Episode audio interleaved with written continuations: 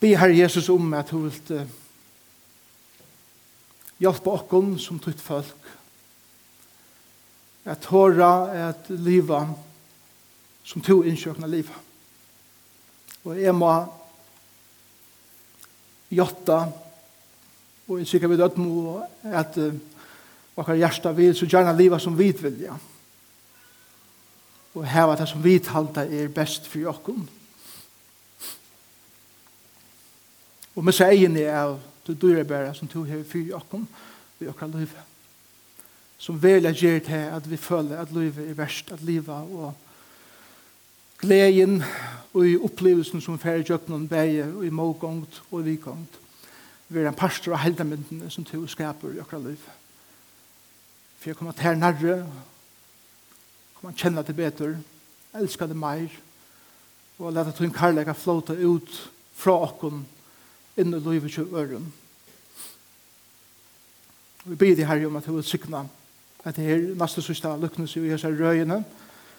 Og vi ber herre om at du vil hjelpe mer i det at åpne teksten at være ærligen, eimjukan, djervan men mest av øtlom at det som to gjerste mer er vi er det som kommer fram, og ikke bare anker teori av anker slag. Takk deg for alt som er inne her i morgen. Og jeg blir med til å sikne okken, at du vil åpne okkara øyre, at høyre, okkara hjørste, at føle, og okkara hender, at gjøre. Og i Jesus navn. Amen. Jeg har tid nægget du mist nægget borster. Det har du prøvd. Hva var det nå i leie? liklanar, eller taskuna, eller Ja, og mengar, mengar, mengar fyrir leite etter tingum som er Jeg veit at jeg leier det her senast om. To er flotte. og så tar man finne det. Åh, oh, ja, nemlig, jeg leier det her selv. Det var særlig ena tog hver jeg var hervelig Ja, unna det kanskje er herveligur enn, men, men særlig ena tog, og det var vi bo i Dallas, i Texas.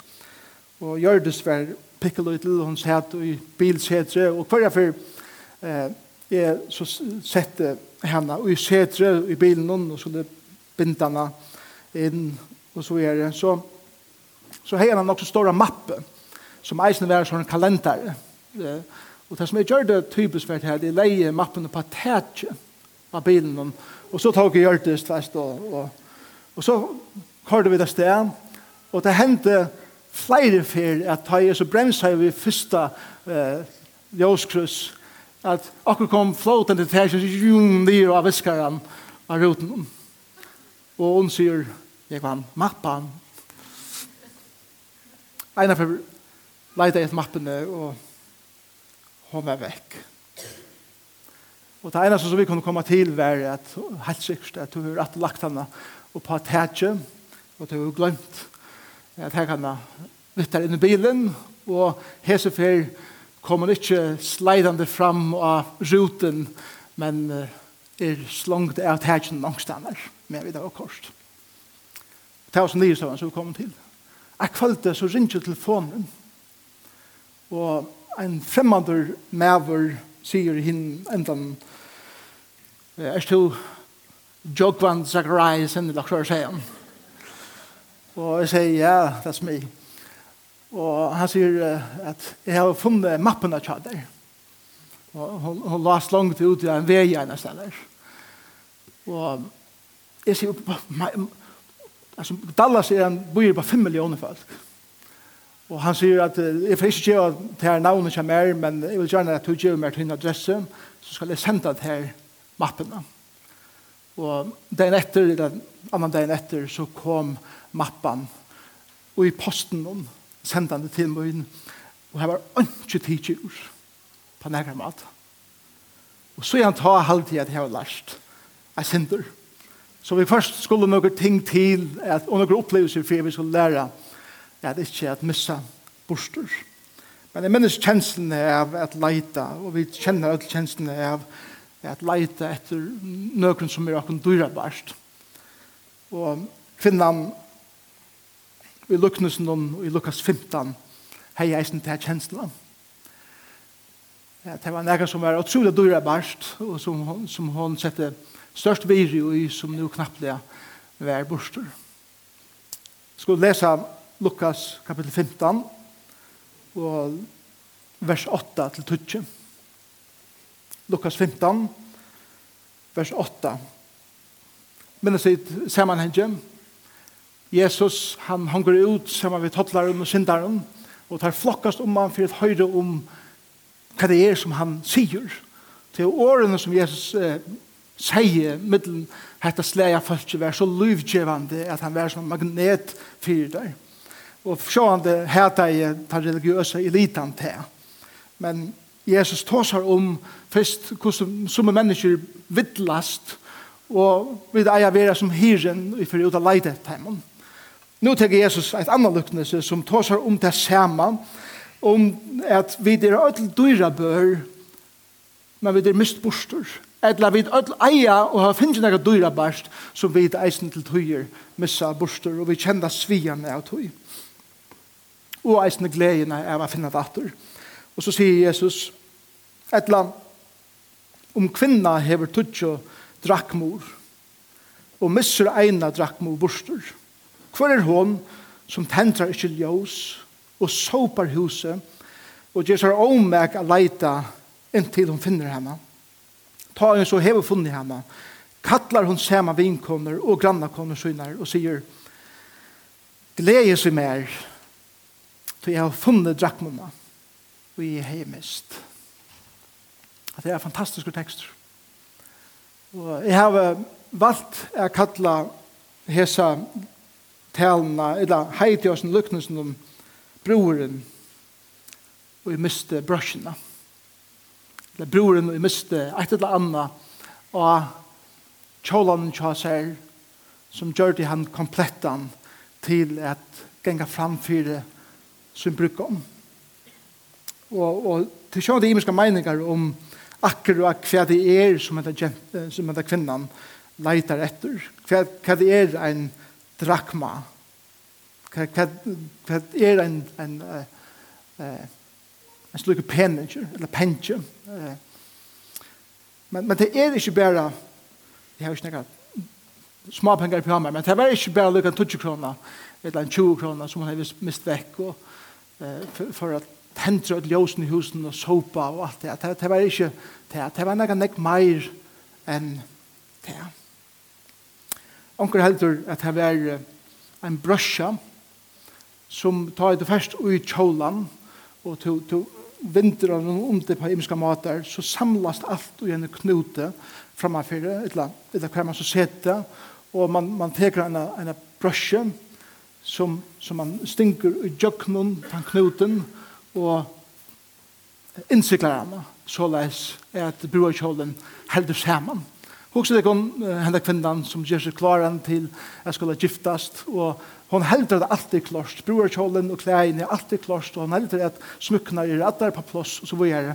Og hon, hon passar an, kanskje kvöld og fire, den er der og og knappt opp det er hon at hessen tuttninga mykje parsteren av for jeg gjør meg kompletta i bort. Fikk kvinner kjenne det at de skulle først klæger, skulle de kjenne Jeg har gjort alt norsk lovlasøke. Og ta jeg skal fara ut det, så, så, så, så manglar nega. Til åtta maller. Kanskje manglar ein av heimen. Hugsa det kan vise stimen er borster. Hugsa det kan vise brushan er borster, eller belte som helder. er et øyelig kaos. Og du, du hever, du, du hever mallen her, Men for jeg kunne binda saman skal stimen og jøknene. Men du hever den ikke. Hva gjør du? Ja, det var nok for å genga, sier du til. Nei, til for å leite. Og til kjenne frustrasjonene av at ikke finna det. Men samtidig så, åh, her var det. Og gleden er av å finne det.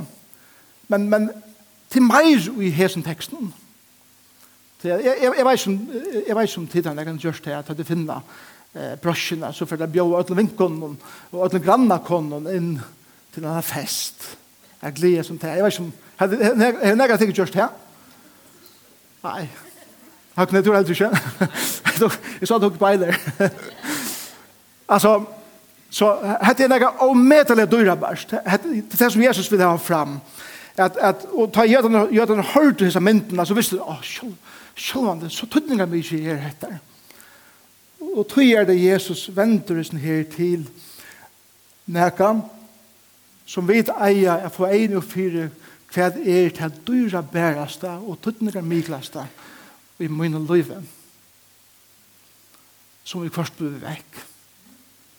Og som tar i finne det atter, tar i gleden så mykje større, at jeg må hava ånder at lota til gledene samme vi. Og til, til, til essensen i sånne her lukkene. Og essensen i sånne lukkene her eisene, hvordan negv hun var villig at offra seg fire at finna atter. For det første, hun tendra ljós. Og tar man er inne i en, en jødeskånd, eh, fyrst altar heime, så veit man, tar man ikke minne i slukt hus, at det er rettelig skummelig inne. Det er noe vinter, så, så, så vi er det. Men nere i Miestre, som til å vite, her ble det rettelig tulja mest.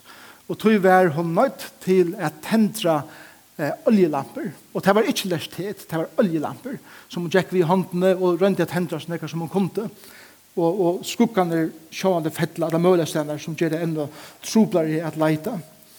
Hon såpar huset. Altså hon gjør hoverrent. Hon, hon står så ikke som, som de er stås ikke hjemme, at det er bare mittelen stålene, veist du. Litt jo ikke opp og så vi er. Jo, vi først, sier hon. Jeg var. Einar for at tutsi kusir. Hon, hon velja gjer nega fyrir at, at, at finna. Hon, hon, Hon flyter skapene ut av veggen, hon flyter sofene for å leite under, hon lytter teppene opp og ryster deg, hon teker alt av barn og hikker atter om og nere under og alle stener for å finne det her som hon leiter etter. Og det sender eisen at hon gjør seg omak, altså det kvaliteter og isen her som hon gjør, og eisen inntil hon har funnet det som har vi kvantitet å gjøre, at hon gjevst ikke. Lyga mye hos langt det teker kommer at leita. så færre er at halda av. Så tør jeg bare sier etter. Og det første som er halde jeg vil lære i sin teksten om det er at så dør jeg bare hans her god te. Det er det første. Vi vet at nekve av oss sitter her i og vi setter vir i oss selv alt etter det hva ånder sier og halda, eller hva vi selv i jøknen løvsens eh, svar og tøyer er kommet til at halda om oss selv, som ofta er ikke så godt, og i mån til hva god helder om te og meg. Og det er god ser at, at, at, at, at, at, at, at, at, at, så For han ikke sier bare, ja, det kommer noen trojater. Men han fer at leita. Og han fer at tentra ljøse. Og han fer at sopa. Og han fer at flita ting for jeg finna. Så nu er bare skatt. Og han gjør seg omeg. Og han blir vi inntil han finner. Så dyra bærer er til kære maver som sitter her i dag. Så dyra bør er til kære kvinna som finner efter det, i Guds egen. Han, han fer så lengt som til hans stender at innskje at øysa sin karlaga inn i ditt liv og at djeva her, eller djeva ter sutt aller, aller besta. God elskar det nekv, nekv meir enn er det to, nærkant du kunne fæta, nærkant du kunne huksa, nærkant du kunne føla, nærkant du kunne seta år av, så djupt elskar god te. Og med vogn og mot hjärsta brenner for er at vi slår føle til meg. Det er nægge som er strys vi i løyvn og tid, så er det kanskje akkurat hatt her. Jeg får en og fire hvordan jeg er elskaver. Så la oss at jeg lærer jeg kvila meg og ikke renne og røyne gjerra og et nøkta og ødles tingene som bare legger mer trusht og strongt og aløyve i stedet for å lære kvilla og i her som er det djupt elskaver og djupt omfender er god og måtte god giv jo okken ødlene oppenbering av her som hvordan nekv han elskar til og med og til, jeg vet at det Det fyrir så ræða lattelig er av tungene er sida at han elskar det sånn ekv, for han sender sin son, at han kjær fyrt til av krossen om.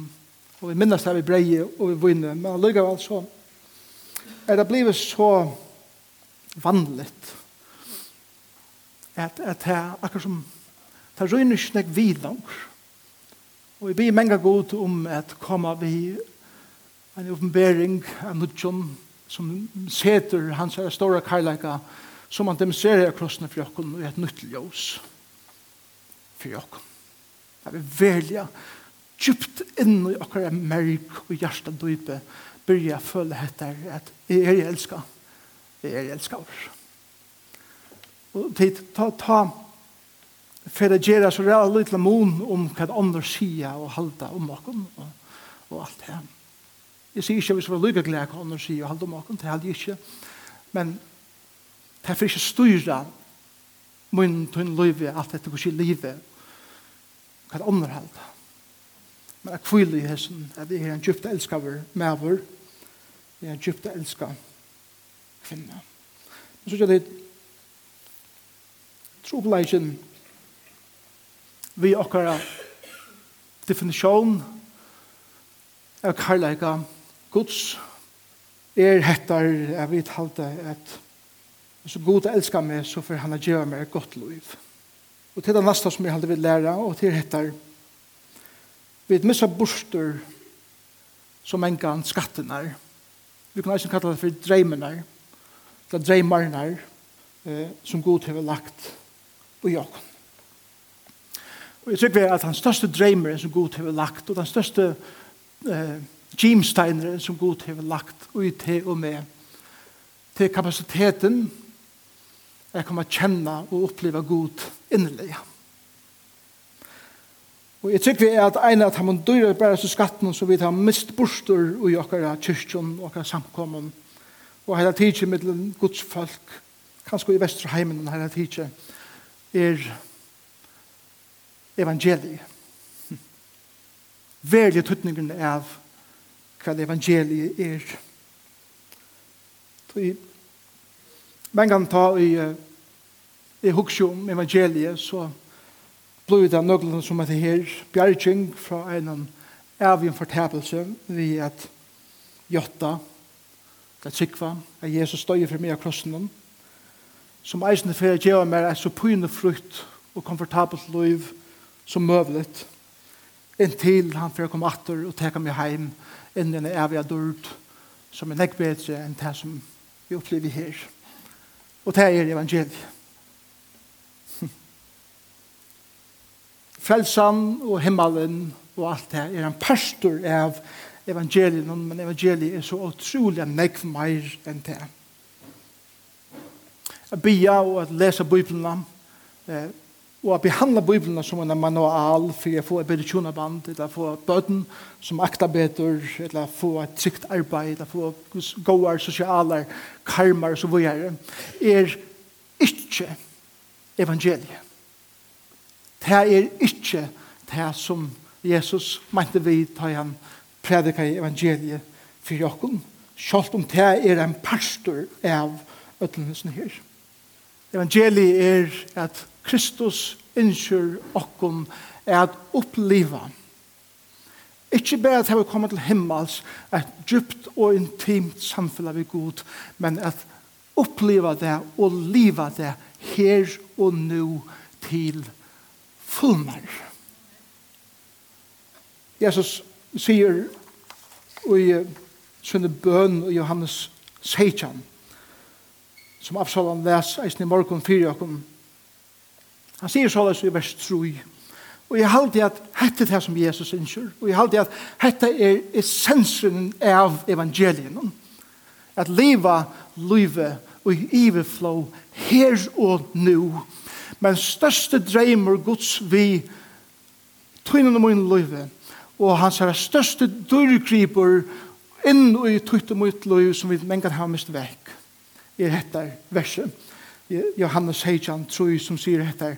Og dette er hitt evige liv, at de kjenner til hin einasta sanna god, og tann og i to sende Jesus Kristus. Hatt er evangeliet. At essensen i livet er å komme kjenne god Jeg kommer å kjenne Jesus Kristus. Og at her året er kjenne er ikke bare et år som vi bare sier, ja, han kjenner jeg, men det er et år som har vi tjupan intimitet å gjøre. Vi er en innelighet som fer forbi all mørk. Som bare kan opplevast og i stereo og omkant i måneden. Og det som mener vi her er til at du kommer ångan du at være intimer vi god. Hvis du dreimer en kjøtt her og mer er at det skal bare være vikongt. Og det skal bare være pyne, frukt og alt det her i livet. Hvis du akkurat definisjonen på god er til så kommer det å oppleve en innelighet som ikke er til dybdene som god er ikke for. Hin monokanalen er jeg sier til bære jokken pyna og sorg og målgång der vi kommer kjenne god. Og det blir en sorts martyrliv nesten, et søtja til. Vi kommer å oppleva Guds nærvare og trøst og i tøy, men det er ikke bare at det er en kombinasjon av som bavon som var flatta inn i etter jeg kommer kjenne henne evige sanne, god. Og så gjør det Dyrkriberen som vi missa borster er til ja, vi missa den store dyrkriben, eller dreimerne, fire mindre, mindre dyrkriber og smarre dreimar. Og vi er nøgt vi nøkker ting i løyvene som vi halte er helt ok. Men minst til dette er, at akkurat troen etter materialisme, som er en mindre dreiber, som er en mindre dørgriper. Alle akkurat troen etter en ubyggving og titlar etter for akkurat nøvn og karriere og suksess og familie og gåa helse og komfort og alle disse tingene i livet er bare et symptom og på en negv djupri langsel som ligger eller er lagt i akkurat som er en troan etter å kunne kjenne god. Men jeg tror jeg vil ha gjort til til dreimene i okra løyve og bare for jeg få mer og at utena mer og bedre karriere og ødles tingene så har vi mist borster til essentiella som god vil heva okkur at oppleva i løyve. Tror jeg at okkara ego misser egin av honom som omkring være egoist. Men gav, og gav, og gav. Og så sier det, fyrir er gjør det møvlet, er koma kjenna god. Så teker han vi først borster, tar smarre og og brester der, og der smarre og dyrgripen der, og renner fra åkken fire er vi skulle finne den store dyrpen. Og vi kvarser det meningen at du skal missa arbeid, og jeg skal missa arbeid.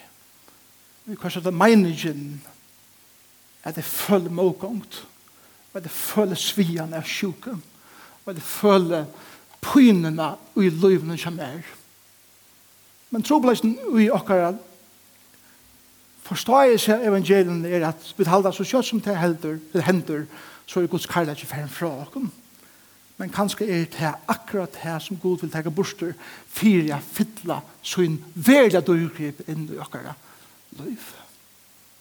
Og tog er kunsten, angstene av løyven, og vera som en av kvinnan, jeg får en og fire at det er sånne ting som er halde i havet, men den største døygripen her er mist borster og at hendja oljelamper og at færa sopa og færa inn i løyve at leida etter tog som god har lagt her?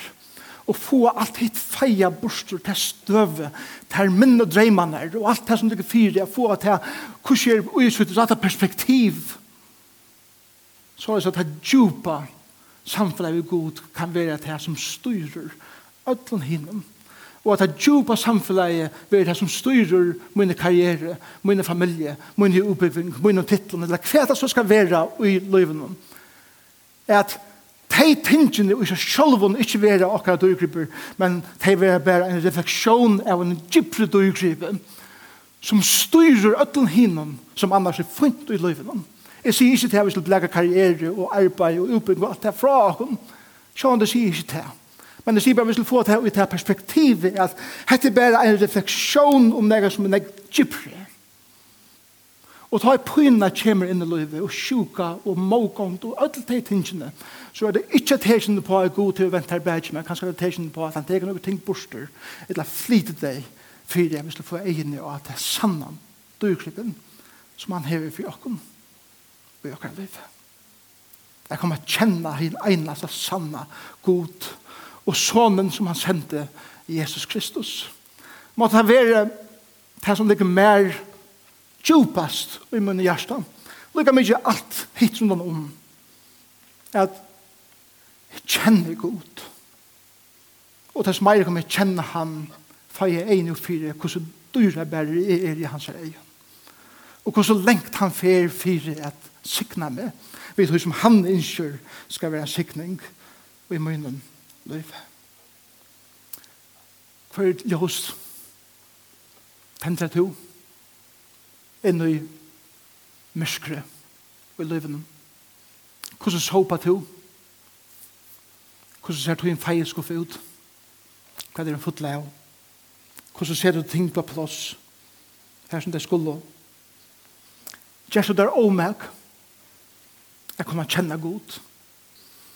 Blir du vi inn til.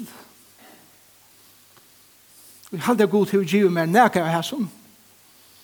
Og under er han som lever meg nærmast, og hon veit mengan hvordan frustrera vi er at oppleva meir av gode. Og vi kvarst ivest i hele tidsje ui om god legger nægge ui meg, og anker det sier de kjalt spørsmål vi om god er. Hon kan vittna det. Men jeg som har minnet meg av, til det er at til ikke til at jeg har hoa at jeg avnagt av god og ivis i Guds eksistens men til en djuper langsel etter meir av honom og jeg sikker god til å lagt her og jokken ødel kjevst tog ikke ikke blega fra der og sjalt en god tidsi seg var lengt borster halt og finn og ukrypen som han hever fyrt høyt liv.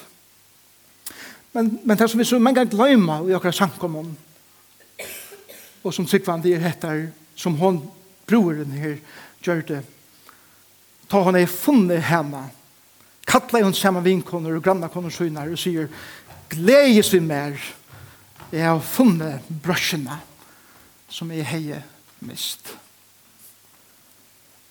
Leitanen er mengan einsom, men tar vi da funnet det, så er det lot av gledene som vi gjør. Ofte glemmer vi det. At rinja, at oppsøkja, at løyva folk inn i okkara løyv, så er vi kunne heva eit andalet samfunn. Og hvis det er et av høvesmalen tja en samkomi er at heva eit andalet samfunn for vi annan så burde det här det som jeg kjenner och som samkommer. Jeg vet att det är väljer antaliga bröver, väljer antaliga systrar, väljer andalige syskjen, som tårer at tåse om dyrgruppene som vi leite etter, og eisen tar som skulle sette til suyes, og dyrgruppene kommer kjenne godt. Det burde være naturlig for dere at tåse om de tingene sammen, og at bjøa kvann ørn heim til noen annan, ikke tåse bare om vever og vind, selv om det er vondt, særlig at gå ekki i fyrjum. Men at ta som andalig ting, ta som hva god gjer i min liv, mina frustrasjoner om hva de held god ikke gjer i min liv, så er vi kunne få perspektiv fra øren på hva den korsene gjer. Et andalig samfunn, andalige viner, andalig substans i okkara eksistense, tilvære. Så at til vi at vi er åpen om akkara dyrgrip som vi har funnet, og gledene som det gjør, at det smittar i våre ånder. Og vi gleder sammen, og, og, og vi er om hese tingene sammen. Det smittar. Jeg blir om at, Herren skal hjelpe oss å finne dyrgrip. Kanskje er det her det, og du ønsker at jeg låter tog en dyrgrip, vi omkran. det her vi ut. Bjør omkran heim. Bjør omkran ut i vikna. Vi tog fri eia. Vi har Jesus om at at vi hjelper okken at hitje inn i okra loiv etter dørgripen som du har lagt her. Vi veit herre at et av det første som er sikkert for å gjøre her i det med disse vikene er å sitte viri ut her minne og dreimene her. Her minne dørgripen her og halde at du får sykna mye om til. Men jeg ber her om at du ser akkurat fokus og jeg kommer kjenne til og råpa til tøyen om at du ber til for i okken så leis at vi kunne byrja å oppleva et negtskiplig liv som er vi her og eisen som er vi vidt gjøre. Jeg testar for dette lukknes her som er så stort og så einfalt men så ommedelig vekkert en liten brøsja som var ringa finna, men som held öllum saman. Var bostor og gleden om å finna den var stor. Og her er vi da nekva og har mist til bostor som heldur okra lyve saman. Og alt ser ut til dette sunder. Men det byr man til å hjelpe okra finna til. Og knyta det såleis ui okkon at lyve hongu saman. Og vi kommer kjenne til. Du er bare Jesus. Jesus. Elskar i fæger og heilig ande. Takk for samfellet. Amen.